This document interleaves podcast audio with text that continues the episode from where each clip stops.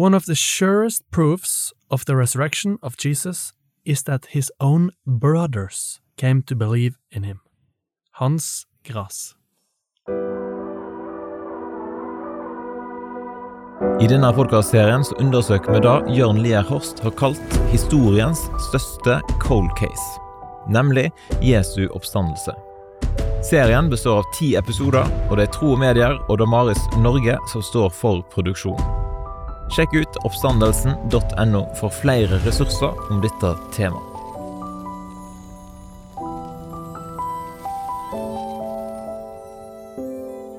Det er ganske spesielt eh, når bror din begynner å tro på at eh, du er Guds sønn. Ja, det er litt absurd. det er jo kjempemerkelig. Hva måtte din eh, bror ha gjort for at du skulle tro at han var Guds sønn, Kjetil? Nei, Det er et eh, så vanskelig spørsmål. Vi stilte jo dette her på gatoen når vi lagde TV-serien, eh, og du fikk noen rare svar, og noen òg veldig spørrende blikk ofte, for at det er så utenkelig. Ja. Ja, det skal ganske mye til for å bli overbevist om det. Dette er jo et eksempel på at jeg må bruke litt ekstra innlevelse fordi jeg er enebarn. Ja. men, men det er klart at det er jo, som du sa, det er en nesten absurd, nesten sånn surrealistisk tanke. Går det an? Mm. Men jeg syns det er noe helt spesielt i det vi skal snakke om denne episoden, fordi hvis det er en av de som er nærmest noen, så er det jo selvfølgelig et søsken. Mm. De nærmeste i familien rundt. Og, og da vet en jo alt om hverandre, så å si, ikke sant? i oppveksten og det ene med det andre. I hvert fall veldig mye om hverandre. Og at en da skulle faktisk komme til den konklusjonen min bror er Messias, verdens frelser. Nei, det er heftige greier. Mm. Så derfor har Jakob fått sin egen episode her i podkasten, og et eget kapittel i avhandlingen din, Tor. Eh, Sånn som vi leste i første Korinterbrev kapittel 15, deretter viste han seg for Jakob. Så så er jo spørsmålet hvem var egentlig Jakob? Ja, Jesus er jo ikke den eneste i søskenflokken. Han var ikke alenebarn, eh, sånn som Lars. Eh, Han hadde fire brødre, det er gjengitt i eh, evangeliene, og så hadde han noen søsken også. Og disse brødrene de blir beskrevet på en litt negativ måte, at de tror ikke på Jesus. Faktisk så eh, skriver de, eller sier de at han er gått, de tenker at han er gått fra sans og samling. For det er sånn vi møter de evangeliene. ja, det er det. For, for Jesus sa jo noen voldsomme ting om seg sjøl. Da synes jeg forfatter C.S. Lewis, som vi ga litt plass i, i, i serien, han, han sier jo det at sant, hvis noen sier at uh, jeg er oppstandelsen av livet, jeg er veien, sannheten og livet, jeg er livets brød, så er det jo litt i samme kategori som, eh, som om jeg sier jeg er et eh, bløtkokt egg.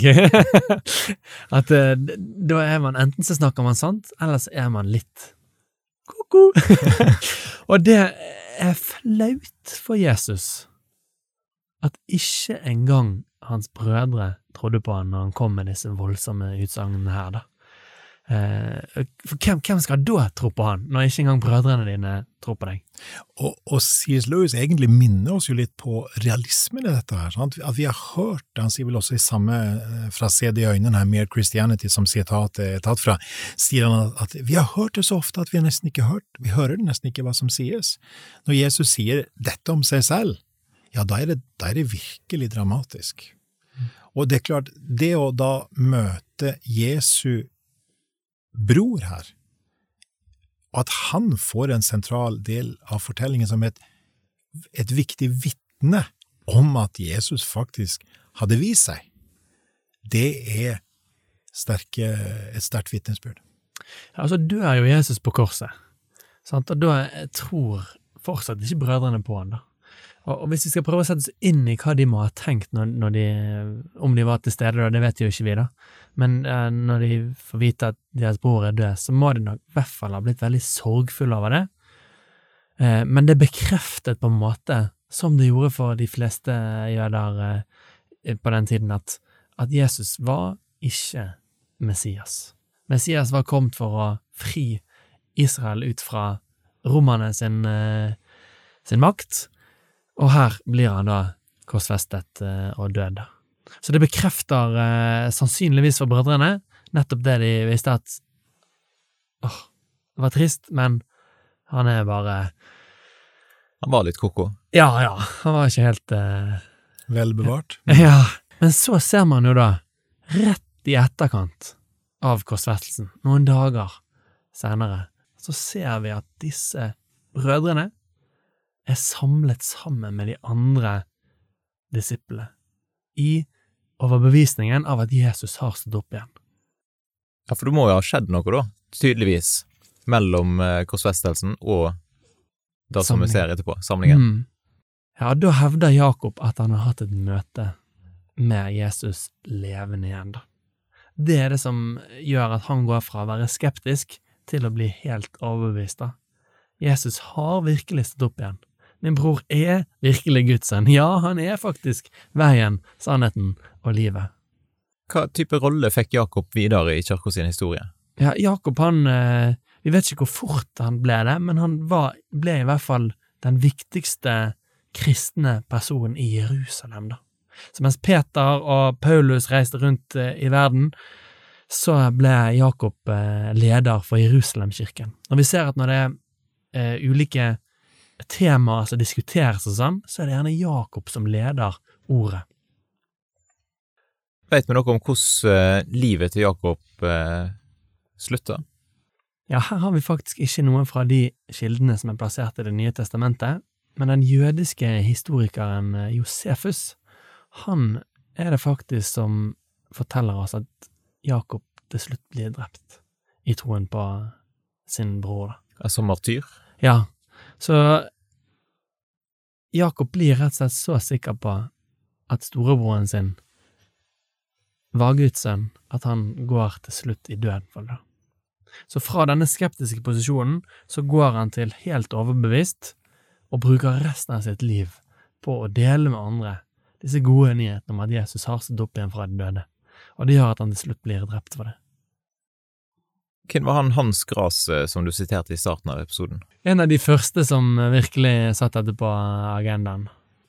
Vi, vi har flere som har arbeidet med, med dette, med hva skjedde med de ulike apostlene og de, de fremste disiplene, inkludert eh, Jakob. Og en av de er, er den amerikanske teologen og, og trosforsvareren også, uh, Sean McDowell, som skrev sin doktoravhandling om hva skjedde med de, de eh, fremste apostlene.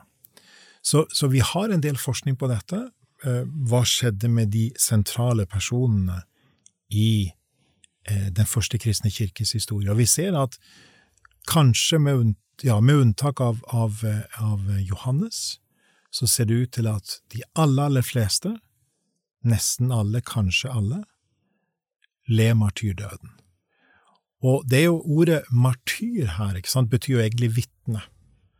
Det greske ordet eh, martyreo betyr å vitne, Martyre er, å være et vitne. Eh, og vi kjenner jo det ordet kun for betydningen av å dø for noe. sant? Men opprinnelig var det ikke det. Opprinnelig var det simpelthen et ord for å vitne. Altså bære frem et vitnesbyrd i, i betydningen i en retts, rettssal, ikke sant. Du hadde en vitner, selvfølgelig, akkurat som i en rettssal i alle tider, i vår tid også. Så, men det er jo tankevekkende at ordet Det er så sentralt at ordet martyr blir da ensbetydende med et blodsvitne. Og da er Jakob, Jesu bror, et veldig viktig eksempel på det. Og vi ser jo at det å være villig til å dø for bekjennelsen til sin egen bror som Messias, Guds sønn, verdens frelser Altså, må nesten krype meg litt i armen for å tenke på er det virkelig sånn?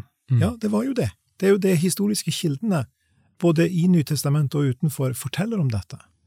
Og da ser vi en veldig tydelig peker i retning av at de må ha blitt virkelig overbevist om dette, fra gått fra det skeptiske til det overbeviste.